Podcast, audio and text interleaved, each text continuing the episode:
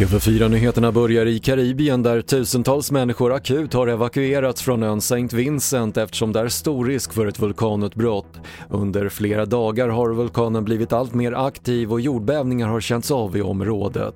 Senast vulkanen hade ett utbrott var 1979. Fredrik Federley hoppar av kyrkovalet i höst och på Facebook skriver han att orsaken är det stora medieintresse som hans kandidatur väckt. Centerpartisten och tidigare EU-parlamentarikern lämnade alla politiska uppdrag efter att det blivit känt att han haft en relation med en dömd pedofil.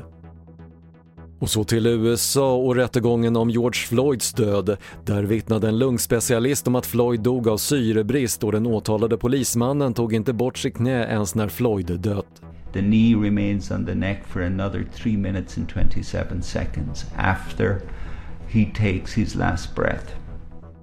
Och det avslutar det senaste från TV4 Nyheterna. Jag heter Patrik Lindström.